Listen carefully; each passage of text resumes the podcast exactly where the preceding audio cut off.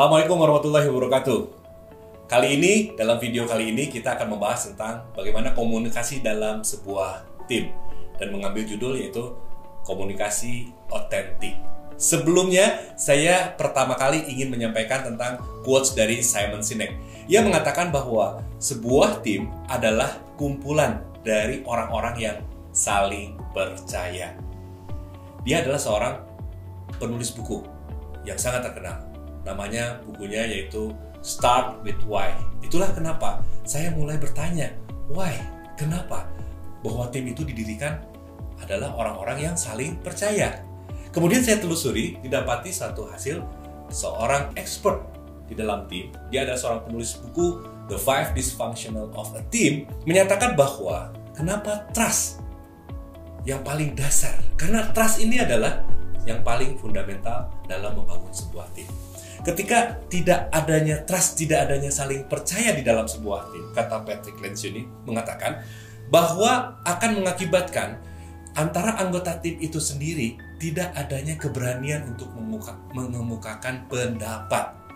Dia akan takut akan konflik, dia akan takut berbeda pendapat, dia akan takut berselisih karena tidak adanya dasar saling percaya. Dan bukan hanya itu, ketika tidak saling percaya, tidak berani mengungkapkan pendapat, tidak berani berbeda pendapat, tidak berani berkonflik, yang selanjutnya terjadi apa?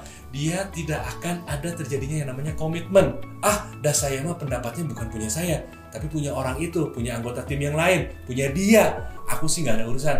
Aku nggak bisa komitmen. Aku sehingga si anggota tim itu sendiri karena tidak ada percaya, tidak berbeda pendapat, dan dia tidak berkontribusi untuk mengusulkan satu ide, dia akhirnya tidak berkomitmen. Dan cilakanya lagi ketika dia tidak berkomitmen, apa yang terjadi? Yang terjadi adalah dia tidak punya rasa tanggung jawab. Aku ora urus, pokoknya itu bukan tanggung jawab aku. Akhirnya ada lack avoidance of accountability atau lari dari tanggung jawab. Nah kalau sudah begini artinya apa? Di dalam sebuah tim tidak ada saling percaya, tidak mau berbeda pendapat, tidak adanya komitmen, kemudian tidak adanya tanggung jawab atau lari dari tanggung jawab. Akhirnya apa? Dia tidak berorientasi pada hasil. Artinya tidak ada hasil dalam tim, nggak ke mana-mana. Iya sih kayak bekerja, tapi sama-sama bekerja, bukan bekerja sama di dalam tim. Karena tidak adanya trust yang disebut oleh Patrick Bench ini adalah sebuah dysfunction. Dan ketika ini terjadi, jangan sampai terjadi. Lalu kita memikirkan, tanya lagi, trust ini asalnya dari mana ya? Bagaimana supaya bisa trust dalam sebuah tim? Kalau ditilik-tilik lagi, ternyata trust itu berasal dari sebuah kata yang namanya relationship atau hubungan. Oh benar juga ya, karena di dalam satu tim itu adalah tidak sendirian, bukan Superman. Tapi kita butuh orang lain, ada others, ada anggota tim yang lain. Ini tentang relationship. Membangun sebuah tim adalah membangun sebuah relationship. Tadi kita mundur lagi ke belakang bahwa tim dibangun dari trust, saling percaya. Lalu kita kejar lagi nih, trust ini dari mana? Trust ini ternyata dari relationship. Nah pertanyaannya sekarang, dalam sebuah relationship, apa yang menjadi ikatan dari relationship? Apa yang menjadi ikatan dari sebuah hubungan? Saya kamu kita. Yaitu komunikasi. Maka komunikasi ini adalah salah satu cara the way untuk menciptakan relationship. Lanjut lagi lebih dalam lagi. Komunikasi seperti apa yang perlu kita bangun di dalam sebuah tim? Karena kemudian ternyata komunikasi ada spiralnya ada lapisan-lapisannya Contoh, saya akan menyampaikan komunikasi itu ada dari kumpulan orang-orang atau komite. Kita ketika kita ada di antrian bioskop, ketika kita ada di sebuah public transport, di airport atau di dalam busway, kita berkumpul, berkumpul. Tapi kemudian apa yang terjadi komunikasi kita hanya sekedar percakapan biasa atau conversation. Tidak ada tujuan, tidak ada sesuatu yang perlu dibalas. Paling, hai, oh ya, eh anaknya lucu, just conversation Kemudian ada kumpulan grup, misalnya grup pembelajaran, grup bersepeda, atau grup mancing ya. Grup itu komunikasinya yang terjadi adalah sebuah dialog. Ada aku, ada kamu, kita membicarakan sesuatu, dialog, ada tektokan. Tapi bagaimana dengan komunikasi di dalam sebuah tim? Bukan hanya percakapan biasa, bukan hanya sebuah dialog, namun di dalam sebuah tim diperlukan adalah komunikasi yang autentik komunikasi otentik itu apa sih? Ada seseorang bernama Sheryl Sandberg.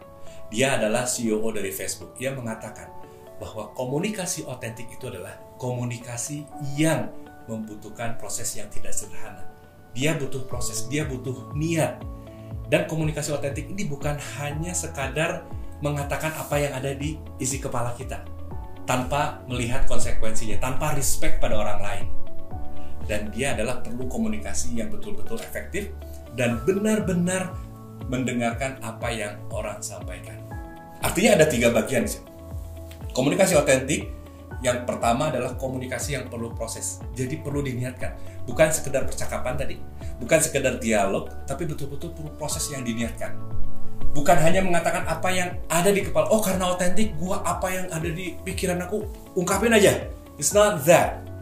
Tetapi bagaimana berkomunikasi secara efektif dengan cara benar-benar mendengarkan apa yang disampaikan. Saya melakukan survei pada saat sebelum membuka kelas online training, terdapat 49 responden yang kesemuanya 100%-nya adalah dia seorang tim. Setidaknya ada dia di tim di tim anggota tim maupun seorang tim leader. Ada yang bekerja, ada yang berbisnis. 49 responses ini mengatakan bahwa ternyata benar komunikasi dalam sebuah tim dikatakan permasalahannya adalah tidak benar-benar mendengarkan. Ada 69 hampir 70 persen setelah keduanya yaitu tidak bisa terbuka dan jujur tidak bisa terbuka dan jujur ini salah satunya adalah juga menjadi prinsip-prinsip dasar dari komunikasi otentik. Setelah riset ini saya ingin menunjukkan sebuah prinsip. Prinsip adalah mindset kita, dudukan kita, fondasi kita sebelum kita masuk ke langkah-langkah bagaimana supaya komunikasi menjadi lebih otentik di dalam tim. Prinsip yang pertama adalah Otentik adalah tentang jujur pada diri sendiri. Apa maksudnya? Maksudnya adalah sebelum kita jujur pada orang lain, sebelum kita terbuka pendapatnya kepada orang lain, maka yang paling penting dan ini tidak mudah adalah jujur pada diri sendiri. Otentik adalah is about true to yourself sebelum kita maka kepada yang lain. Apa artinya? Artinya di dalam survei saya juga menunjukkan dari 49 responses mengatakan bahwa kerjasama dalam tim ini adalah supaya kita bisa menjadi contoh yang baik. Bagaimana kita bisa menjadi contoh yang baik kalau kita sendiri tidak bisa menjadi contoh bagi diri kita sendiri? Berkata jujur dengan tetap menghargai rekan-rekan di dalam tim. Prinsip yang pertama adalah tentang otentik adalah tentang bagaimana jujur kepada diri sendiri. Lalu prinsip yang kedua, Pak. Prinsip yang kedua adalah tim dibangun dari saling percaya. Ini selaras dengan apa yang dikatakan oleh Simon Sinek tadi bahwa tim perlu dibangun dari rasa saling percaya. Ini menjadi prinsip dasar kita. Dan yang terakhir, prinsip yang ketiga yaitu tim butuh perform, manusia butuh perhatian. Ketika kita berada dalam satu tim, di satu sisi kita butuh perform, butuh mencapai hasil yang kayak tadi result ya. Attention to result. Jadi sebuah tim itu perlu menyelesaikan sebuah permasalahan dalam tim kita perlu menyelesaikan, kita perlu perform. Tapi di sisi lain, untuk merekatkan antar anggota tim tadi, karena ada tadi dari trust itu adalah dibangun dari relationship, relationship butuh perhatian. Ada hal-hal yang perlu disentuh ketika kita menjadi anggota tim, menanyakan anggota lain, atau kita menjadi tim leader, tanyakan anggota timnya hal-hal yang bukan berkaitan dengan perform. Misalnya, sudah belanja belum? Sudah tutup poin belum? Sudah uh, rekrut lagi belum? Itu adalah urusan dengan perform. Tapi ketika komunikasi otentik, kita sudah nanyanya bukan lain perform lagi, tapi perhatian. Gimana kabar anak-anak sehat? Eh, si bungsu katanya sekarang udah lulus SD ya? Pakai lulusannya pakai online trade itu gimana ceritanya? Kayaknya seru ya. Perhatian. Dengan melakukan perhatian ini, maka kita seimbang. Bukan hanya perform, tapi perhatian. Untuk lebih jelasnya, saya akan menyampaikan tentang grafik bagaimana perform dan perhatian ini perlu seimbang karena kita sering kali ada di dalam kuadran yang pertama antara perform dan antara perhatian kita ada di kuadran pertama yaitu performnya tidak ada perhatian juga tidak ada bagaimana kalau kita berada dalam tim ini hasil nggak ada. Ini progresnya nggak ada. Progres nih. Di satu sisi keakraban juga tidak ada. Karena nggak pernah diperhatikan sama tim leadernya. Atau sesama anggota tim tidak ada perhatian. Atau kita ada berada di kelompok yang kedua. Ini masih mending. Wah, sering makan bareng, kompak, saling merhatikan, tahu betul istrinya siapa, tahu betul anaknya berapa, tinggal di mana. Perhatiannya bagus.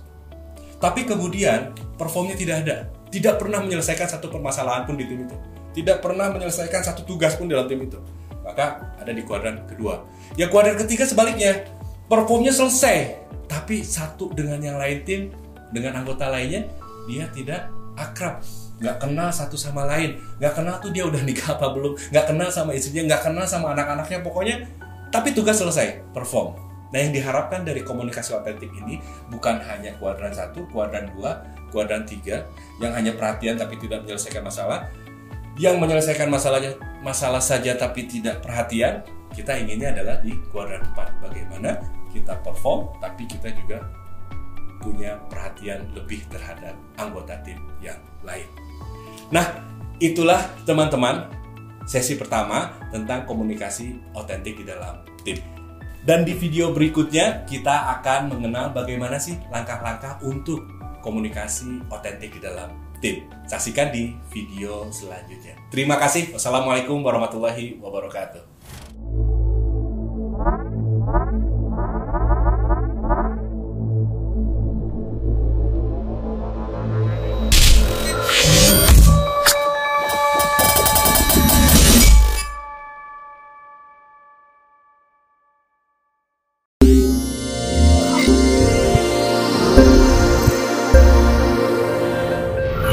Assalamualaikum warahmatullahi wabarakatuh. Dalam video sebelumnya, kita sudah membahas tentang komunikasi otentik di dalam sebuah tim. Saya sudah menyampaikan prinsip-prinsipnya. Masih ingat prinsip-prinsipnya apa saja? Yang pertama adalah otentik adalah tentang true to yourself atau jujur kepada diri sendiri. Yang kedua adalah bagaimana sebuah tim dibangun oleh saling percaya. Yang ketiga adalah dalam tim membutuhkan perform dan manusia membutuhkan perhatian. Dari tiga prinsip tadi kita perlu jelas sebagai fondasi, sebagai dudukan, sebagai kuda-kuda. Nah sekarang akan kita latihkan jurusnya. Jadi sebelum kita masuk ke jurus, fondasinya perlu kuat. Kuda-kudanya perlu kuat. Sehingga ketika kita menjalankan jurusnya, mau ada musuh atau ada tangkisan-tangkisan, itu lebih kuat karena fondasi kita sudah kuat. Langkah yang pertama yaitu bagaimana menjadi seseorang yang memiliki kemampuan untuk komunikasi yang otentik di dalam tim, yaitu menjadi pendengar yang baik. Menjadi pendengar yang baik ini adalah langkah pertama. Yang kedua adalah asertif. Dan yang ketiga adalah komitmen pada hasil. Saya akan jelaskan satu persatu. Yang pertama adalah menjadi pendengar yang baik. Masih ingat kemarin definisi komunikasi otentik dari Sheryl Sandberg? Dia mengatakan bahwa komunikasi otentik is about truly listening to what others people are saying atau mendengar apa yang disampaikan orang lain. Mendengar dengan benar-benar mendengar. Kenapa? Karena kualitas sebuah komunikasi ditentukan oleh kualitas mendengarkan. Jadi apakah mendengarkan ini tidak mudah? Ya, kalau mendengarkan ini mudah, maka komunikasi-komunikasi yang kita lakukan selama ini bisa jadi sangat good communication. Tapi fakta membuktikan bahwa banyak komunikasi-komunikasi yang miskomunikasi, di dalam tim terjadi konflik, di dalam tim terjadi perbedaan pendapat, bentrokan sampai akhirnya musuhan, sampai akhirnya tidak menyelesaikan tugas apa pun hanya karena komunikasi. Dan itu semua hanya karena abai pada mendengarkan. Fakta membuktikan bahwa otak kita ternyata mampu merekam 10.000 kata per menit. Bayangkan. Ia mampu merekam 10.000 kata per menit. Sementara orang kawan bicara kita mengatakan dia hanya mampu sampai 150 kata per menit itu pun dengan standar rata-rata. Bukan yang suaranya lambat atau bukan yang cepat, tapi rata-rata 150 kata. Let's say lah 200 kata. Bayangkan ada berapa sisa space untuk mengolah per menit? 9000 bahkan 8.000 atau mungkin 10.000 lebih bahkan yang dipakainya. Karena apa? Karena kemudian dengan fakta tersebut banyak sekali godaan-godaan di kita untuk berwisata. Godaan-godaan di kita untuk menggunakan space itu sebanyak-banyaknya sehingga kata-kata yang disampaikan oleh kawan bicara kita malah tidak terdengar. Terdengar sih, tapi tidak tertangkap oleh otak kita, oleh memori kita. Buktikan saja, teman-teman, ketika teman-teman banyak memikirkan sesuatu kemudian sambil ngobrol, sering sekali kita ngomong, eh gimana tadi maksudnya apa? Padahal terdengar, tapi kita nggak tahu, nggak nangkep maksudnya apa. Eh, apa lu bilang tadi? Apakah kemudian ketika kita ngomong, eh tadi teh ngomong apa? Kita tidak terdengar? Terdengar, tapi kita tidak listening, tidak mendengarkan. Apa yang terjadi? Karena ada limpahan 10.000 kata di dalam otak kita yang kemudian bleber yang akhirnya si 150 kata ini tidak tertangkap. Atau sering kali ketika kita mendengarkan justru banyak suara-suara di dalam kita yang kemudian kita lebih banyak mendengarkan suara di dalam. Kita berasumsi kita berpraduga kita memikirkan apa jawabannya. Kita memikirkan oh dia ngomong gitu dia ngomong wah segala macam ada. Namanya monkey voice. Yang pertama bagaimana kemudian ketika yang 150 kata itu disampaikan benar-benar listening benar-benar bisa masuk. Setidaknya kita bisa nangkep. Contoh ketika teman-teman ada di bioskop masuk duduk lampu gelap. Mata kita apa? Fokus betul? Jarang yang nonton bioskop karena kita memang nonton bioskop bayar tiket mahal dan akhirnya kita fokus. Interest to what happened in front kita. Di, di di layar lebar yang segede gitu kita fokus Bayangkan ketika kita ngobrol dengan teman kita, dengan kawan bicara kita, kita seperti sedang menonton bioskop. Fokus. Gak main handphone, main handphone gak? Paling makan popcorn ya. Gak main handphone. Kepalanya gak ada yang seperti ini, badannya. Dia fokus. Fokus seperti halnya contoh ini, bahkan ketika dia duduk kan cenderanya di sebelah sana, tapi dia membalikan badannya. Rasulullah SAW sendiri bahkan dalam komunikasi beliau bisa menjadi role model ketika dipanggil Rasulullah SAW tidak menjawab dengan kata-kata. Tidak hanya melirik oh ya kan kita sering kalau dipanggil atau ngajak ngobrol sama anak kita. Anak kita papa ini pak. Ya nanti ya bentar. Oh iya sok kamu ke situ aja. Kita enggak. Tapi Rasulullah bahkan sama anak kecil pun dia akan membalikan badan. Badannya dibalik mukanya ditatap matanya ditatap telinganya betul-betul mendengarkan. That's focus. Bagaimana kita menjadi seorang pendengar yang baik? Salah satunya adalah dengan mata karena mata kita mampu menangkap apa yang tidak dikatakan oleh mulut. Ini juga listening. Ini juga listening. Muka kita listening, badan kita listening. Benar-benar hadir. Apa yang terjadi ketika kita betul-betul fokus, maka orang merasa dihargai. Orang akan merasa menyampaikan sesuatu di dalam tim. Ketika komunikasi terjadi seperti ini, maka anggota tim akan mampu. Sering sekali kita mendengarkan anggota tim nggak mau ngomong sama saya, dia punya pendapat tapi tidak pernah diungkapkan. Bisa jadi mungkin mulai dari kita bagaimana kita benar-benar hadir, benar-benar fokus untuk memberikan perhatian pada saat kawan bicara. Yang kedua, caranya adalah respon yang tepat. Respon yang tepat ini artinya merespon. Cara meresponnya bagaimana? Cara meresponnya yaitu dengan nod, anggukan kepala. Atau tambahkan, mm -hmm, ya, iya iya, kita iyakan memastikan bahwa kawan bicara kita pun tahu bahwa kita mendengarkan. Sering sekali ketika kita ngobrol, ngomong e, di dangu tuh gitu. kedengeran nggak? Gitu. Karena apa? Karena nggak ada respon. Dia diem aja. Lu kedengerin gua nggak sih? Gitu kan. Tapi bagaimana kita ngenotes? Oh ya oke. Okay. hmm. ada beberapa peserta uh, kelas saya yang kemudian mempraktekkan. Dan ini beliau benar-benar saya Papur pengen mendengarkan menjadi pendengar yang baik. Oh ya terus gimana hasilnya? Saya diprotes sama istri. Kenapa? Eta kenapa kepala ungguk-unggukan aja gitu? Kenapa latihan sama Papur katanya merespon? Ya Pak kasih yang tepat jangan terlalu lebay. Dia karena latihan ya nggak apa-apa masih latihan. Jadi tiap orang ngomong ya, mm, mm, mm, mm. Dan kata Papur harus ungguk-unggukan harus note gitu. Ya. Ternyata dia terlalu lebay. Respon yang tepat latihlah diri kita untuk mengatakan merespon.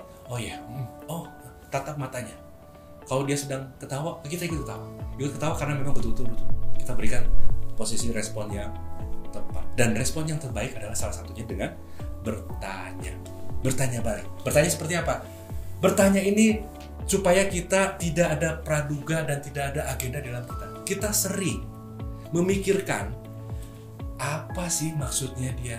Dan kita nggak benar-benar mendengarkan. Kita malah memikirkan bagaimana respon selanjutnya atas apa yang ia katakan maka yang paling penting adalah bagaimana ketika kita tidak tahu maksudnya apa, jangan langsung menduga, jangan langsung mengasumsi. Oh, saya tahu gitu ya karena gitu. Oh, berarti yang dia katakan kita langsung mengasumsikan, mempraduga apa yang ia katakan. Ketika kita tidak tahu atau tidak mengerti, bertanyalah. Sering orang tua kita dulu kalau misalnya ada tetangganya lewat, eh Neng ke mana? Mau ke kampus Nin. Saya orang tua saya suka dipanggil Nin di rumah Oh, ke kampus. Dia ulangi lagi. Oh, ke kampus. Kampusnya di mana? Di IKIP. Dulu mah karena bukan UPI ya, IKIP ya. Di IKIP. Oh, ikip, ikip jurusan apa? Apa yang dilakukan orang tua kita adalah dengan mengulang supaya pertanyaannya menjadi grounded. Grounded itu artinya mendasar. Bukan berarti oh kata apa pun merespon itu berarti salah satunya supaya tidak praduga saya menebak langsung bertanya gitu. Tapi pertanyaannya bukan pertanyaan menebak. Supaya pertanyaan tidak menebak, ambil kata-katanya. Oh, ke kampus. Ulangi, ke kampus. Kampusnya di mana? Nyambung ya? Connect ya. Nah, itu membuat orang merasa didengarkan. Itulah salah satu bagaimana cara kita menjadi pendengar yang baik. Satu, fokus memberikan perhatian penuh seperti kita nonton bioskop. Yang kedua, respon dengan respon yang tepat, anggukan. Ya, jempol. Kalau kita lagi zoom, pastikan kita merespon dengan anggukan, jangan diam freeze gitu ya. Kemudian kasih jempol atau enggak kayak ada reaction kalau di zoom tuh ya. Kalau lagi meeting online kan sekarang pertemuan-pertemuan itu pakai online ya. Kasih zoom, kasih reaction, kasih chat, kasih ada tepuk tangan tuh ada ikonnya banyak macam-macam. Memberikan respon yang tepat. Yang ketiga adalah jangan pernah ada praduga atau agenda. Jika ada sesuatu yang tidak mengerti, maksudnya apa? Just asking, tanyakan. Tanyakannya seperti apa? Tanyakannya ulangi dulu kata-katanya supaya grounded, supaya mendasar. Tanyakan apa yang kita tidak mengerti. Tadi mengatakan bahwa kamu mengatakan collaboration. Collaboration itu apa sih kak? Sesuatu yang tidak mengerti, tidak paham. Tanyakan saja, tapi ambil dulu kata-katanya. Bahwa kita memberikan perhatian. Listening is not a skill, it's discipline. Ini kata Peter Drucker, guru manajemen dunia ya. Dia mengatakan bahwa listening is not a skill, it's discipline. Benar juga, kalau skill itu kan kalau nggak dilatih, dia akan jadi nggak bisa. Tapi listening itu sebetulnya betul pelatihan, tapi dia ia perlu menjadi disiplin atau digunakan atau dibiasakan. Kalau disiplin kan pembiasaan. Jadi bagaimana bekalnya setelah kita tahu tiga tekniknya, kita perlu disiplin untuk mengaplikasikannya. Skill yang kedua yaitu bagaimana kita komunikasi yang asertif. Asertif adalah suatu kemampuan untuk menyampaikan apa yang diinginkan, dirasakan, dan dipikirkan kepada orang lain, namun dengan tetap menjaga dan menghargai hak-hak serta perasaan pihak lain.